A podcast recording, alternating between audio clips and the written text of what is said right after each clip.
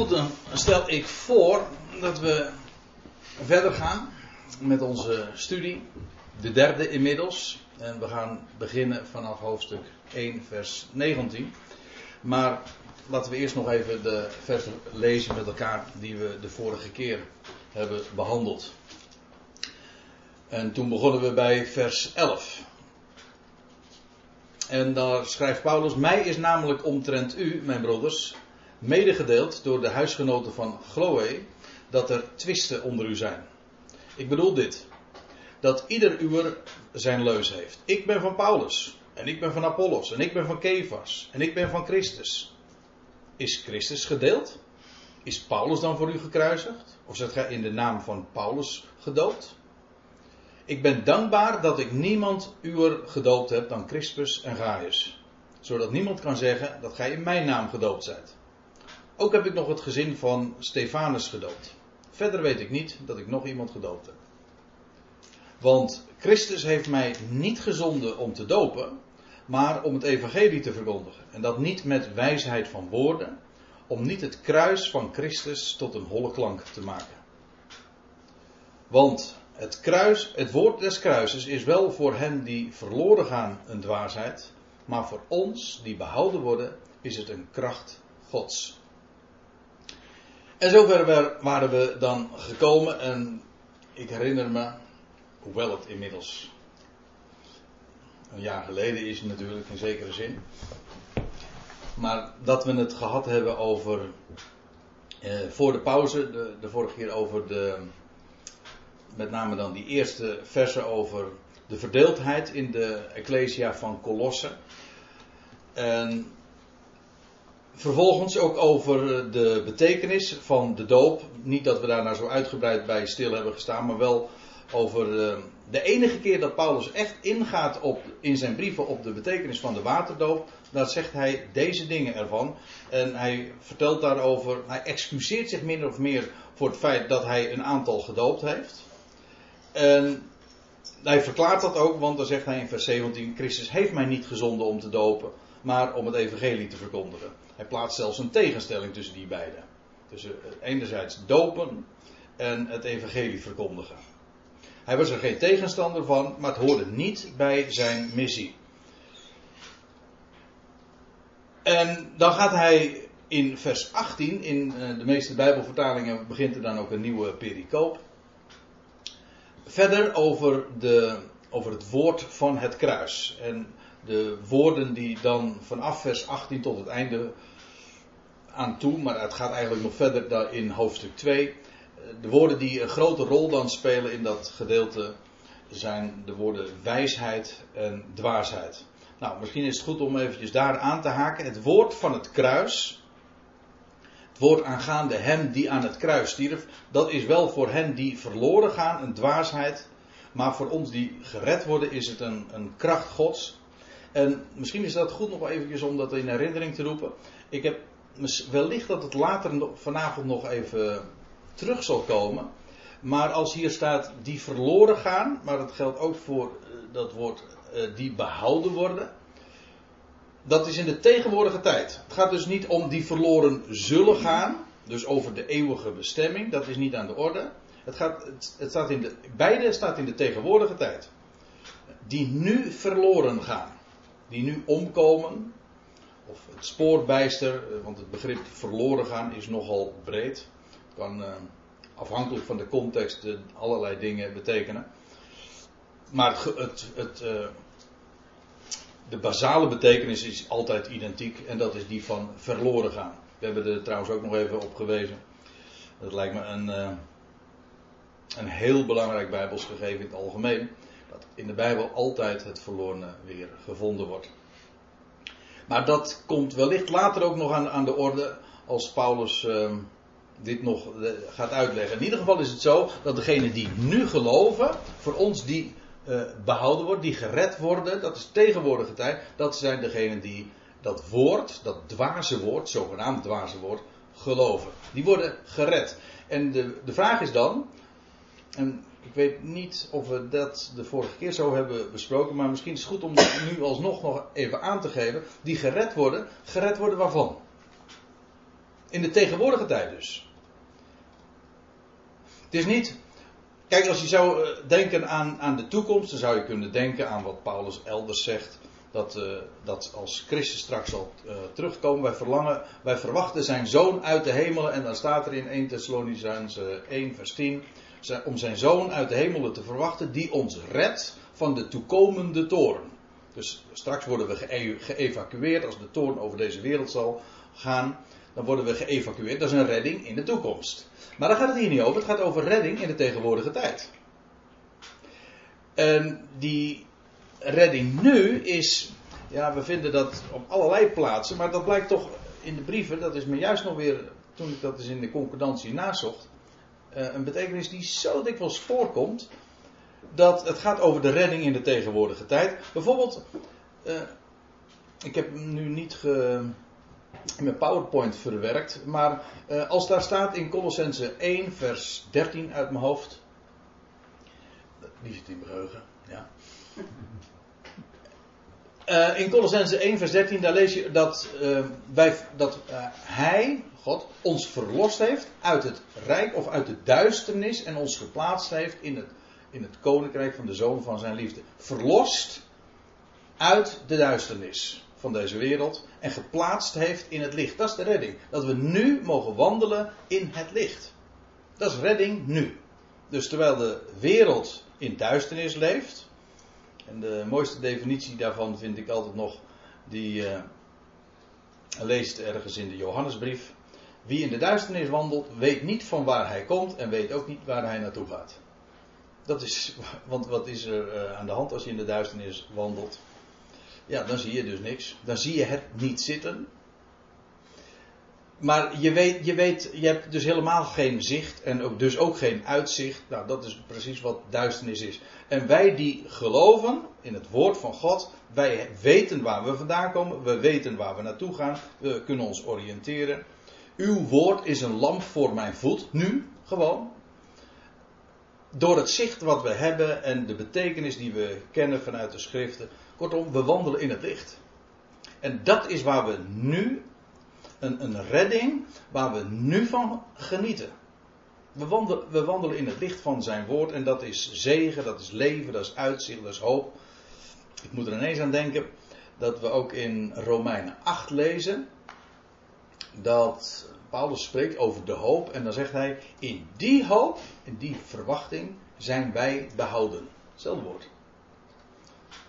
Kijk, je kunt het op twee manieren zo'n tekst lezen. Die behoudenis is toekomstig, uiteraard. Nee, laat ik het anders zeggen. De hoop heeft te maken met, logischerwijs, met de toekomst. Hoop die gezien wordt, is geen hoop. Dus het heeft altijd te maken met de toekomst. Maar, doordat wij nu al die hoop hebben, uh, zijn wij nu al in die hoop behouden. Hoop, dat is een, uh, niet eens een bijbelse uitdrukking, maar wel erg bekend. Hoop doet leven. Als je nu verwachting hebt, dat is verwachting voor straks, maar dat doet ons nu leven. Dat geeft ons nu uitzicht. Iets soortgelijks, dat is nog, nog, een tekst die ik ook zo even uit het hoofd nog aanhaal. Dat je leest in Titus 2, vers 12, 13. Daar wordt gesproken over de gelukkige hoop. Of de, ja, de gelukzalige verwachting, geloof ik dat er in de Statenvertaling staat. Maar dat is ook zo, uh, ja, eigenlijk wel fraai dubbelzinnig. Want als je zegt de gelukzalige hoop, of de gelukkige hoop, letterlijk. Dat kan twee dingen betekenen. Dat wil zeggen, die hoop in, qua inhoud is gelukkig. Dat wat we verwachten, dat is geweldig, dat is, maakt gelukkig. Maar je kunt ook zo lezen, en ja, je hoeft geen keuze te maken, het is namelijk beide waar. Het is, omdat we die hoop hebben, maakt dat ons nu al gelukkig. Dus uh, het is dubbelop. Zowel de hoop, inhoud, inhoudelijk, objectief is gelukkig, maar ook in uitwerking, doordat we nu die verwachtingen hebben, maakt dat ons nu al gelukkig. Nou, dat is dus wandelen in het licht. In elk geval. Ik haal dat nu even aan omdat hier uh, dus inderdaad gesproken wordt over de tegenwoordige tijd. Behouden worden en verloren gaan. Als je die hoop dus niet hebt. Het, het ja, ook om die reden is dat dus belangrijk. Want de Bijbel predikt verwachting voor heel de schepping. Maar nu, als je die verwachting niet kent, als je het woord niet hebt, ja, dan wandel je dus in de duisternis en kom je om in, in de duisternis. Dan ben je nu dus verloren. Goed. Laten we de draad oppakken bij vers 19, want wat feitelijk is het zo dat we tot, vers 8, tot en met vers 18 hadden behandeld. Paulus uh, gaat iets motiveren. Namelijk wat hij geschreven had over die wijsheid en over de dwaasheid. En dan zegt hij in vers 19, want er staat geschreven, en ik kan wel verklappen, dat is een citaat uit Jesaja 29, vers 14, daarover straks nog meer. Uh, want er staat geschreven, verderven zal ik de wijsheid van de wijze en het verstand van de verstandige zal ik verdoen. Zoals je ziet in de, in de interlineaire, het begrip, de understanding, de, het verstand van de intelligente, of het begrip van de intelligente, dat zal ik ja, verdoen. Eigenlijk de, de rode draad door hele, dit hele gedeelte in 1 Korinthe, die eerste hoofdstukken, is dat God uh, de, de wijsheid van deze wereld uh, dwaasheid acht. Dus ook weer het rustig samenvatten. Uh, en woorden van gelijke strekking vind je ook in, in, dit, in dit gedeelte. Nou, dit is een, prachtige illustratie daarvan. Daar staat dus al in het Oude Testament dat God, dat God zegt, want die ik is uit, staat met een hoofdletter. Verderven zal ik de wijsheid van de wijzen. Waarbij je natuurlijk de wijsheid en wijze tussen aanhalingstekens moet zetten. Dat wat de wereld wijs vindt. En God zegt: Ik verderf het, ik verdoe het. Dat, dat waar de wereld hoog over opgeeft en waar ze tegen opkijkt, dat verstand en intelligentie en wijsheid en geleerdheid. En God doet het, veegt het zo van tafel. Nou is het van belang om, eh, dat is in het algemeen, dat als je in de Bijbel dan uh, in, in het Nieuwe Testament een citaat aantreft, om dat eens na te kijken, waar haalt de apostel dat vandaan? Ja, ik zei al, hij zegt dat dus in, uh, in uh, Jezaja, wat was het? Jezaja 29, vers 14. En dan kun je natuurlijk zeggen van nou ja, het gaat gewoon om dit ene specifieke woord en dat hele verband doet niet uh, ter zake. En wat zo opmerkelijk is, dat Paulus, in dit geval, is het, uh, hebben we het over Paulus, dat zo'n citaat nooit zomaar is. Het gaat maar niet alleen maar een, een, een, om een aanhaling uh, op de klank af, voor zo van, nou dit stond hem voor de geest. Uh, we hadden het eerder over, over het vermogen van geheugen en, en, wat je allemaal kunt onthouden. Maar het zal in gedacht zijn wat, wat Joden, orthodoxe Joden, Paulus was van huis uit een orthodoxe Jood, wat die allemaal uit hun hoofd kenden. Hele Bijbelboeken zelfs, gewoon die ze woordelijk kunnen op, opsommen. Maar goed, zo, dit woord citeert hij dan, terwijl hij deze brief schrijft. Maar dat doet hij dus niet alleen maar vanwege dat ene vers. Het is zo bijzonder dat als je het hele verband bekijkt van waaruit het citaat afkomstig is, dat dat zo ter zake is. En laten we daar eens naartoe gaan. Jezaja 29, in vers 13 lees je dit. En de Heere zeide, omdat dit volk, en dat gaat over Israël, omdat dit volk mij slechts met woorden nadert en met zijn lippen eert, terwijl het zijn hart ver van mij houdt en hun ontzag voor mij een aangeleerd gebod van mens is. Dat is trouwens interessant. Dit specifieke vers wordt ook in de evangelie aangehaald. Dat uh, het allemaal dus eigenlijk, daar komt het op neer, het was uiterlijk. Men nam die woorden wel in de mond, men, men op de lippen, met de lippen sprak men daarmee, maar het hart, de binnenkant was, was er ver van. En eh, dat zogenaamde ontzag, die godsdienstigheid, dat was niet anders dan een aangeleerd gebod van mensen. En ook traditie trouwens van mensen. Met recht een, een geboden van mensen had. daarmee was het vermengd en die hadden de overhand gekregen. Nou, wat de, de Heer spreekt hier met de grootste minachting over, over het volk, over, over die, die zogenaamde eer die ze hem gaven. Dat was niets anders dan uiterlijke lippendienst. Het had, niets, het had geen inhoud. Het had, had, niets met zijn woord te maken. Het was aangeleerd gebod van mensen. Dat, waarbij het woord van mensen slaat op het gebod. Geboden namelijk van mensen.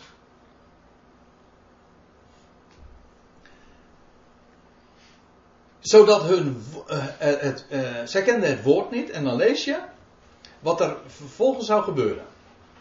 Ik zei al, uh, misschien is dat goed nog even eraan te herinneren. Dit wordt dus ook. Dit was de, de situatie ook later in de dagen van het Nieuwe Testament. En daarom is het ook dat Jezus deze, de, ook deze woorden aanhaalt. Een zeer godsdienstige omgeving waar hij zich in bevond. Het Joodse volk, de Fariseeën, de schriftgeleerden. Zeer godsdienstig. Maar hoe vaak lees je niet die strimmende woorden van de, van de Heer zelf ook? Van het zijn witgepleisterde graven. En het heeft niet, het is traditie van mensen. Maar uh, gij hebt het, dat is trouwens ook een woord uit Jezaja. Gij hebt het woord van God krachteloos gemaakt ter wille van uw overlevering. Uw traditie. En dan staat er in vers 14 wat, hoe God dan vervolgens daarmee zou omgaan. Daarom, zie, ik ga voort wonderlijk met dit volk te handelen. Dus het gaat nog steeds over Israël. En dit woord wonderlijk, dat is wel uh, frappant, want dat, ja, eigenlijk, dat zit ook bij ons nog wel een beetje in, in het woord, maar dat heeft te maken met uh, op een wijze, wonderlijk, verbazingwekkend, vragen oproepend.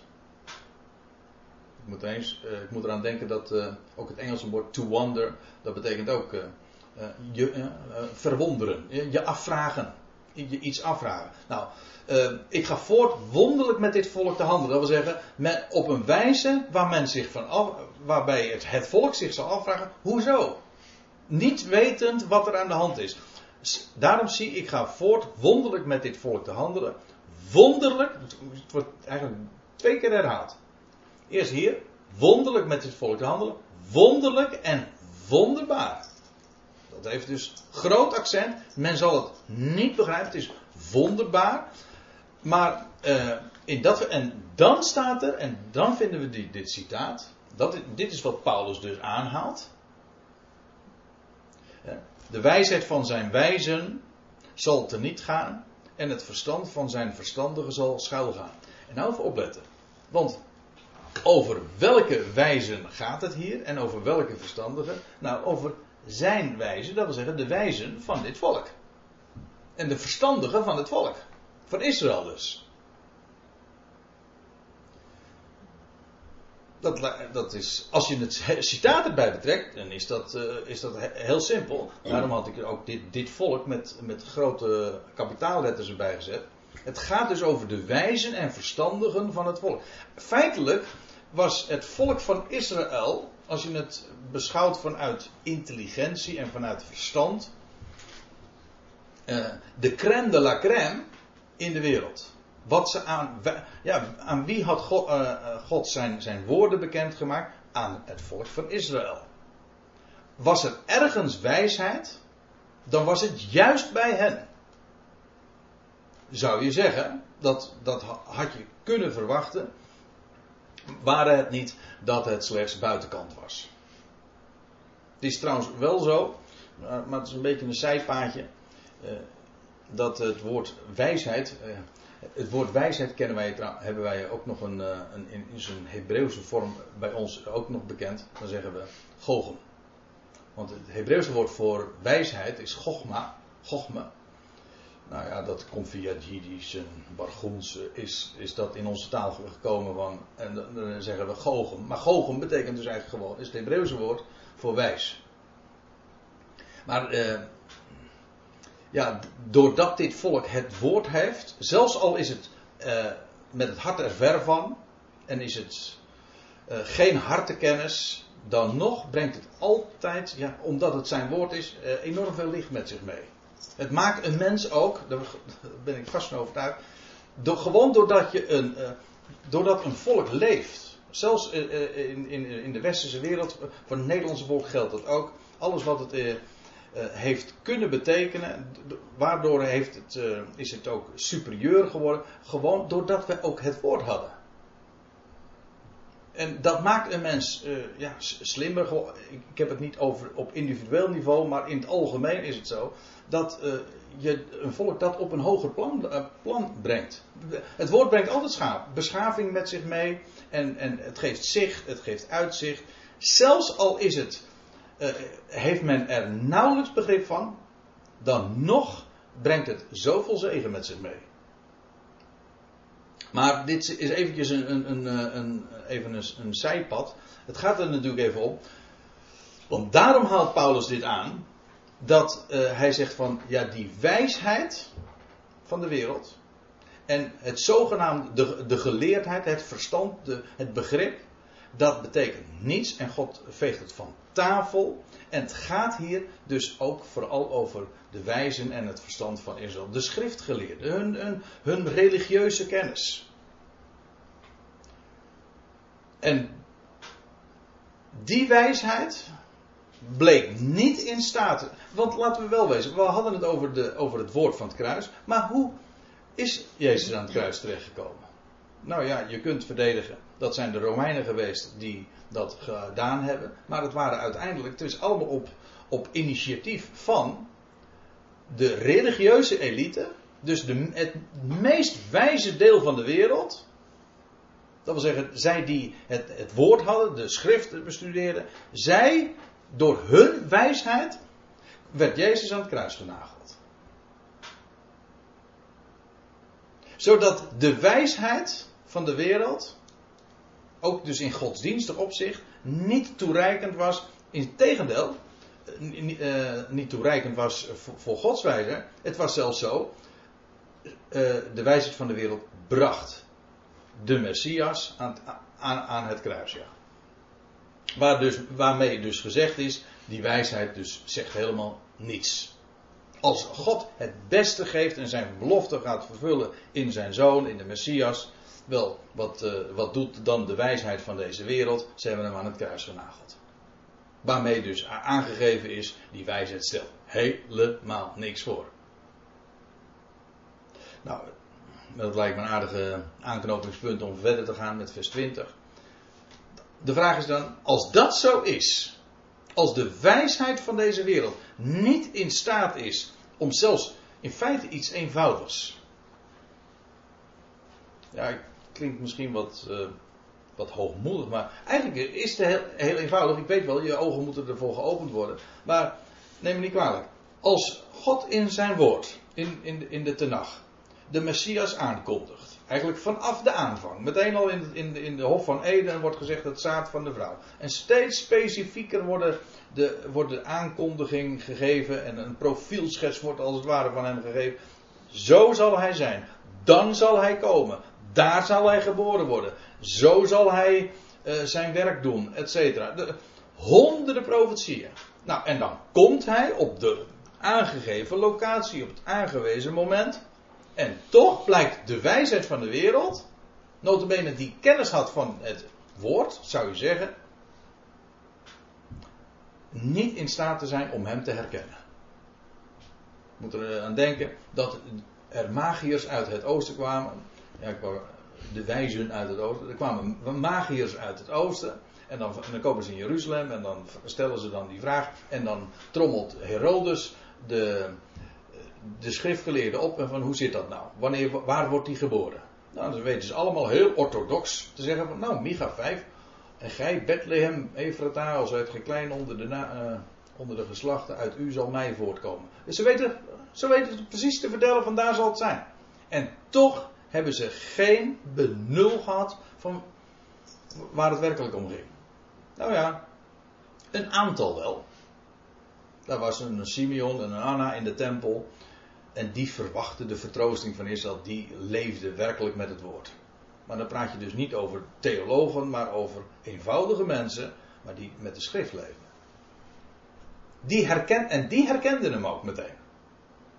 Zelfs als baby al. Goed, waar blijft de wijze? Met De wijsheid van deze wereld is niet in staat, met al haar geleerdheid, is ze niet in staat om, om, God te, om Gods wegen te begrijpen. En het is een paar weken geleden dat, ik, eh, dat we in Soetermeer een samenkomst hadden. En toen ging het over de vrezen des Heren. En eigenlijk is dat het, misschien wel het meest eenvoudige uh, samenvatting daarvan. Wat is, wat is wijsheid? Waar begint dat? Met de vrezen des Heren.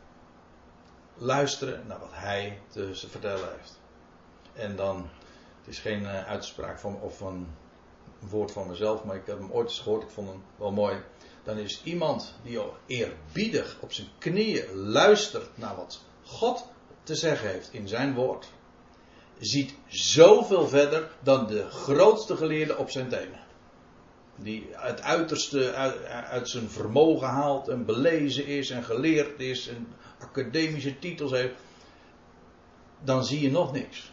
Maar juist wanneer je gewoon je laat verlichten door wat hij gesproken heeft, ja, dan ben, dan ben je echt wijs. Maar waar blijft de wijze in deze wereld? Waar de schriftgeleerde? Ik zei al, eigenlijk doelt hij, hij doelt niet alleen op de seculiere wijsheid. Uh, kijk, volgens mij hebben we het de vorige keer al eventjes nog al over gehad. Dat Griekenland, waar Korinthe in de slag, uh, Griekenland heeft tot op de dag van vandaag de reputatie van uh, veel wijsheid te kennen. Het woord, onze woord filosofie komt ook uit het Grieks. Het is allemaal wijsheid. Maar niet alleen seculiere wijsheid, maar ook godsdienstige wijsheid, zoals dat in Jeruzalem gevonden wordt. Wel, het blijkt niet toereikend te zijn. Waar blijft de wijze? Waar de schriftgeleerde? Waar de redetwister van deze tijd? U ziet, er staat eigenlijk niet van deze tijd, maar van, de, van deze aion van dit wereldtijdperk. U weet wel, dit woord wat zo vaak wordt vertaald met eeuwigheid. zou je hier dus moeten doen. Hier wordt het zelfs vertaald met tijd. Dan zeggen ze, ja, aion, dat, uh, dat is eeuwigheid dan. Maar dat kan natuurlijk, uh, dat is... Uh, ook in de vertaling is men daar zo inconsequent in. Maar van deze aion, van deze, van deze wereldtijdperk, de, de debater. In de concurrent version staat discusser. Dat is een leuk woord. Want het Griekse woord syn, synthetes, dat is. Uh, dat, wordt, dat eerste woordje betekent samen en dit is zoeken. Dus het, het, het Griekse woord voor discussie, dat betekent eigenlijk samen zoeken. Dat is, dat is op zich een heel mooie gedachte. Om als je met anderen bezig bent en je, er is meningsverschil, dan is het meestal, discussie is meestal van ik heb gelijk en jij. En, als je, een discussie is meestal dat je, ik doe mijn verhaal en de ander die uh, wordt onderbroken natuurlijk en die denkt onderwijl wat hij zal gaan zeggen wanneer jij uitgepraat bent. En dus wordt er, wordt helemaal niet geluisterd.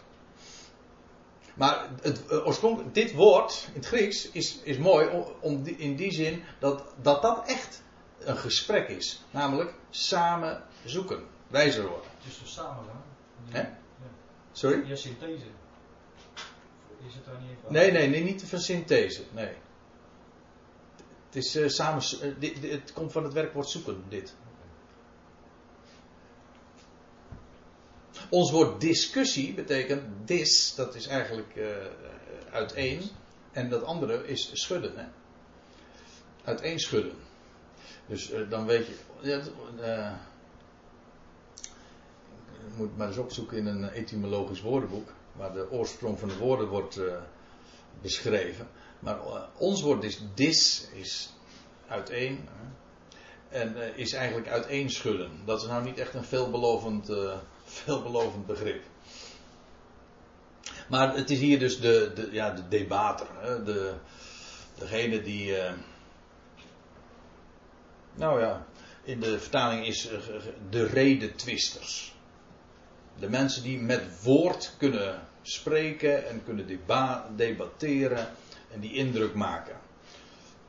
waar, waar zijn ze? De wijzen, de schriftgeleerden, de, de redetwisten, de debater van deze aion. En dan staat er, heeft God niet de wijsheid der wereld? Let op, de God. Wat er weer.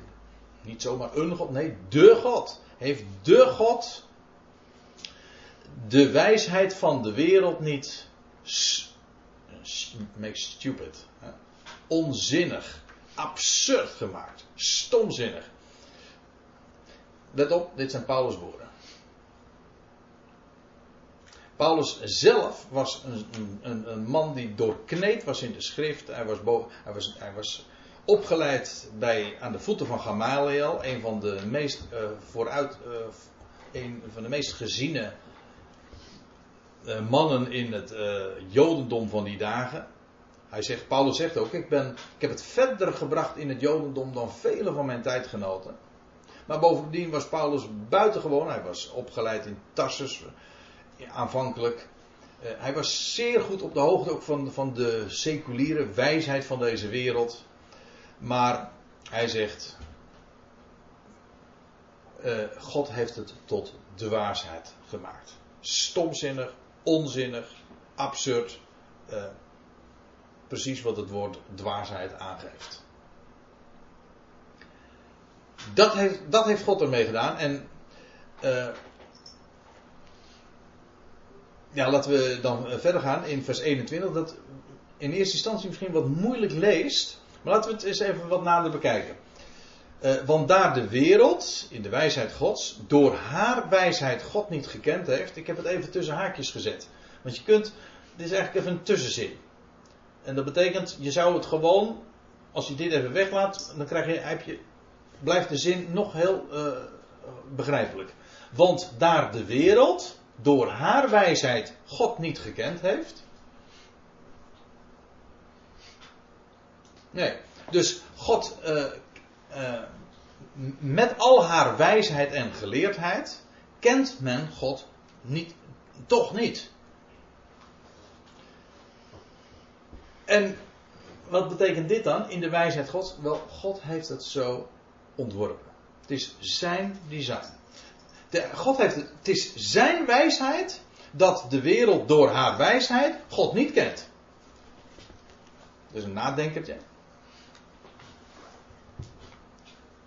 Later eh, in ditzelfde hoofdstuk nog, we komen er straks eh, vanzelf over te spreken, uh, legt hij dat ook uit. Dat God het expres zo verkoren heeft en ontworpen heeft. Het is zijn wijsheid dat de wereld in ieder geval niet door haar wijsheid God zou kennen. Integendeel. Wel nu. Want daar de wereld door haar wijsheid God niet gekend heeft, heeft het Gode behaagd.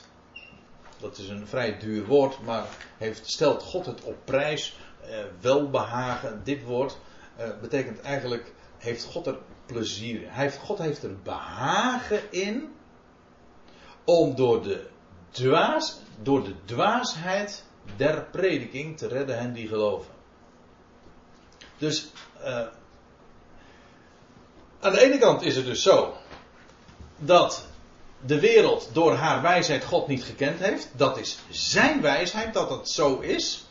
Maar boven, en dan heeft God heeft het juist daarentegen behagen. God heeft er, stelt er, eh, heeft er behagen in dat door de dwaasheid, de stupidity, uh, de, door de dwaasheid van de prediking, ja, de heralding, ik geloof dat we, ja, dit woord. Het is, in de Concordant Version uh, wordt uh, het ook zo weergegeven. De, pro, de proclamation, de proclamatie. Het uitroepen van.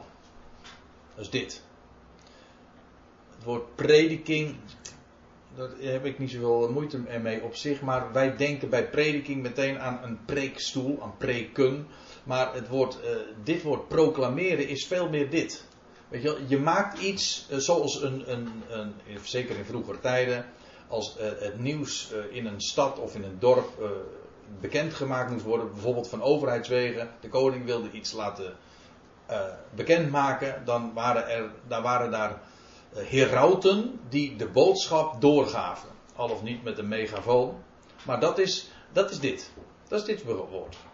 Dus het woord prediken of preken komt daar nou in het beste geval een beetje bij in de buurt. Maar het is niet het idee van, van een preekstoel. Het is juist iets van bekendmaken. God, het, God heeft er behagen in, niet gekend te worden door de geleerdheid van de wereld. En al haar academische titels en door bibliotheken en door, nou ja, waar de wereld hoog tegenaan kijkt. Nee, hij redt degene, hij heeft er behagen in om door iets te proclameren, te redden hen die geloven. Dat wil zeggen, het idee is dus niet door op de tenen te gaan staan, niet door geleerdheid, door boeken op te stapelen, nee, gewoon door iets in de ogen van de wereld, iets dwaas te vertellen en degene die dat beamen, zo redt hij. Dat is dus helemaal geen prestatie, het is gewoon, je aanvaardt het. Je aanvaardt iets in de ogen van de wereld, uh, wat in de ogen van de wereld dwaas is. Zo redt God. Zo brengt Hij ons, ik blijf even bij die uh, betekenis waar we het net over hadden, over dat redden. Hij, hij verlost ons uit de duisternis en hij plaatst ons in het licht. Hij geeft ons hoop. In die hoop zijn wij gered of behouden. Ja, hoe? Nou, niet door wijsheid, niet door geleerdheid, maar door iets wat bekendgemaakt wordt en daar, dat wordt beaamd te redden hen die geloven. Immers, de Joden die verlangen tekenen en de Grieken zoeken wijsheid. Ja, nou dat is bekend. De, de Joden verzoeken of uh, verlangen uh, tekenen. Nou dat hoeft, uh, als je enigszins op de hoogte bent van wat je in de Evangelie ook leest, hoeft dat niet te verbazen, want daar wordt vaak om gevraagd. Trouwens, ze werden ook voorzien van tekenen. Zo dikwijls. Ik bedoel, het Johannes-evangelie eindigt ermee van... Jezus heeft nog vele andere tekenen gedaan... die niet beschreven zijn in dit boek, zegt Johannes dan. Maar deze zijn beschreven opdat gij zoudt geloven dat Jezus is de Zoon Gods. En wat blijkt? Al die tekenen waren niet voldoende om uh, het volk te overtuigen. Ik denk aan, dat, uh, aan die gelijkenis van de rijke man en, de, en Lazarus. Dat, uh, dat Jezus ook zegt van, ook al staat iemand op uit de doden, dat zal hen nog niet overtuigen. Het niet wil, nou dan vind je altijd wel weer een argument om je ervan af te maken. De Joden verlangen tekenen.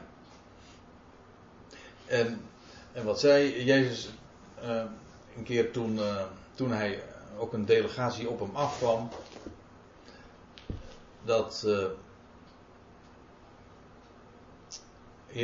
Wij, wij, verlangen een teken te zien. En dan zegt hij van. Dit, dit geslacht, deze generatie ontvangt geen teken dan het teken van Jona de profeet. En wat gebeurde er toen? Nou ja, ik, ik bedoel in verband met Jona. Gelijk Jona drie dagen en drie nachten in het hart, nee, in de, in de, hart, de buik van de vis er was. Zo zal de zoon des mensen drie dagen en drie nachten. Dat is een verhaal, dat is een verhaal apart trouwens. Maar drie dagen en drie nachten in het hart der aarde zijn. Dat teken zouden ze krijgen. En feitelijk, dat is waar het hier ook over gaat. Als we het hebben over de Christus en het Evangelie, dan gaat het over dat teken. Wel, de Joden verlangen tekenen. En de Grieken die zoeken wijsheid. Die, daar hadden we het net al even over. Tot op vandaag hebben ze die, heeft Griek, de Grieken, hebben de Grieken die reputatie. Ze hebben tegenwoordig nog een andere reputatie natuurlijk. ja. Maar van ouds hebben de Grieken de reputatie van het zoeken van wijsheid. Ons woord filosofie is ook gewoon Grieks. Daar, daar hebben, ze hebben liefde voor wijsheid. Dat is wat filosofie ook betekent. Wel, maar Paulus, dit is eigenlijk een, een, een opstapje om, om nu te komen bij zijn punt. Immers, de Joden verlangen tekenen. Dat is de godsdienstige wereld. De Grieken, de seculiere wereld, die zoeken wijsheid. Maar wij, doch wij prediken, hier weer dit woordje, proclameren Christus, een gekruisigd, een gekruisigde Christus. Voor Joden een aanstoot, voor heidenen een dwaasheid.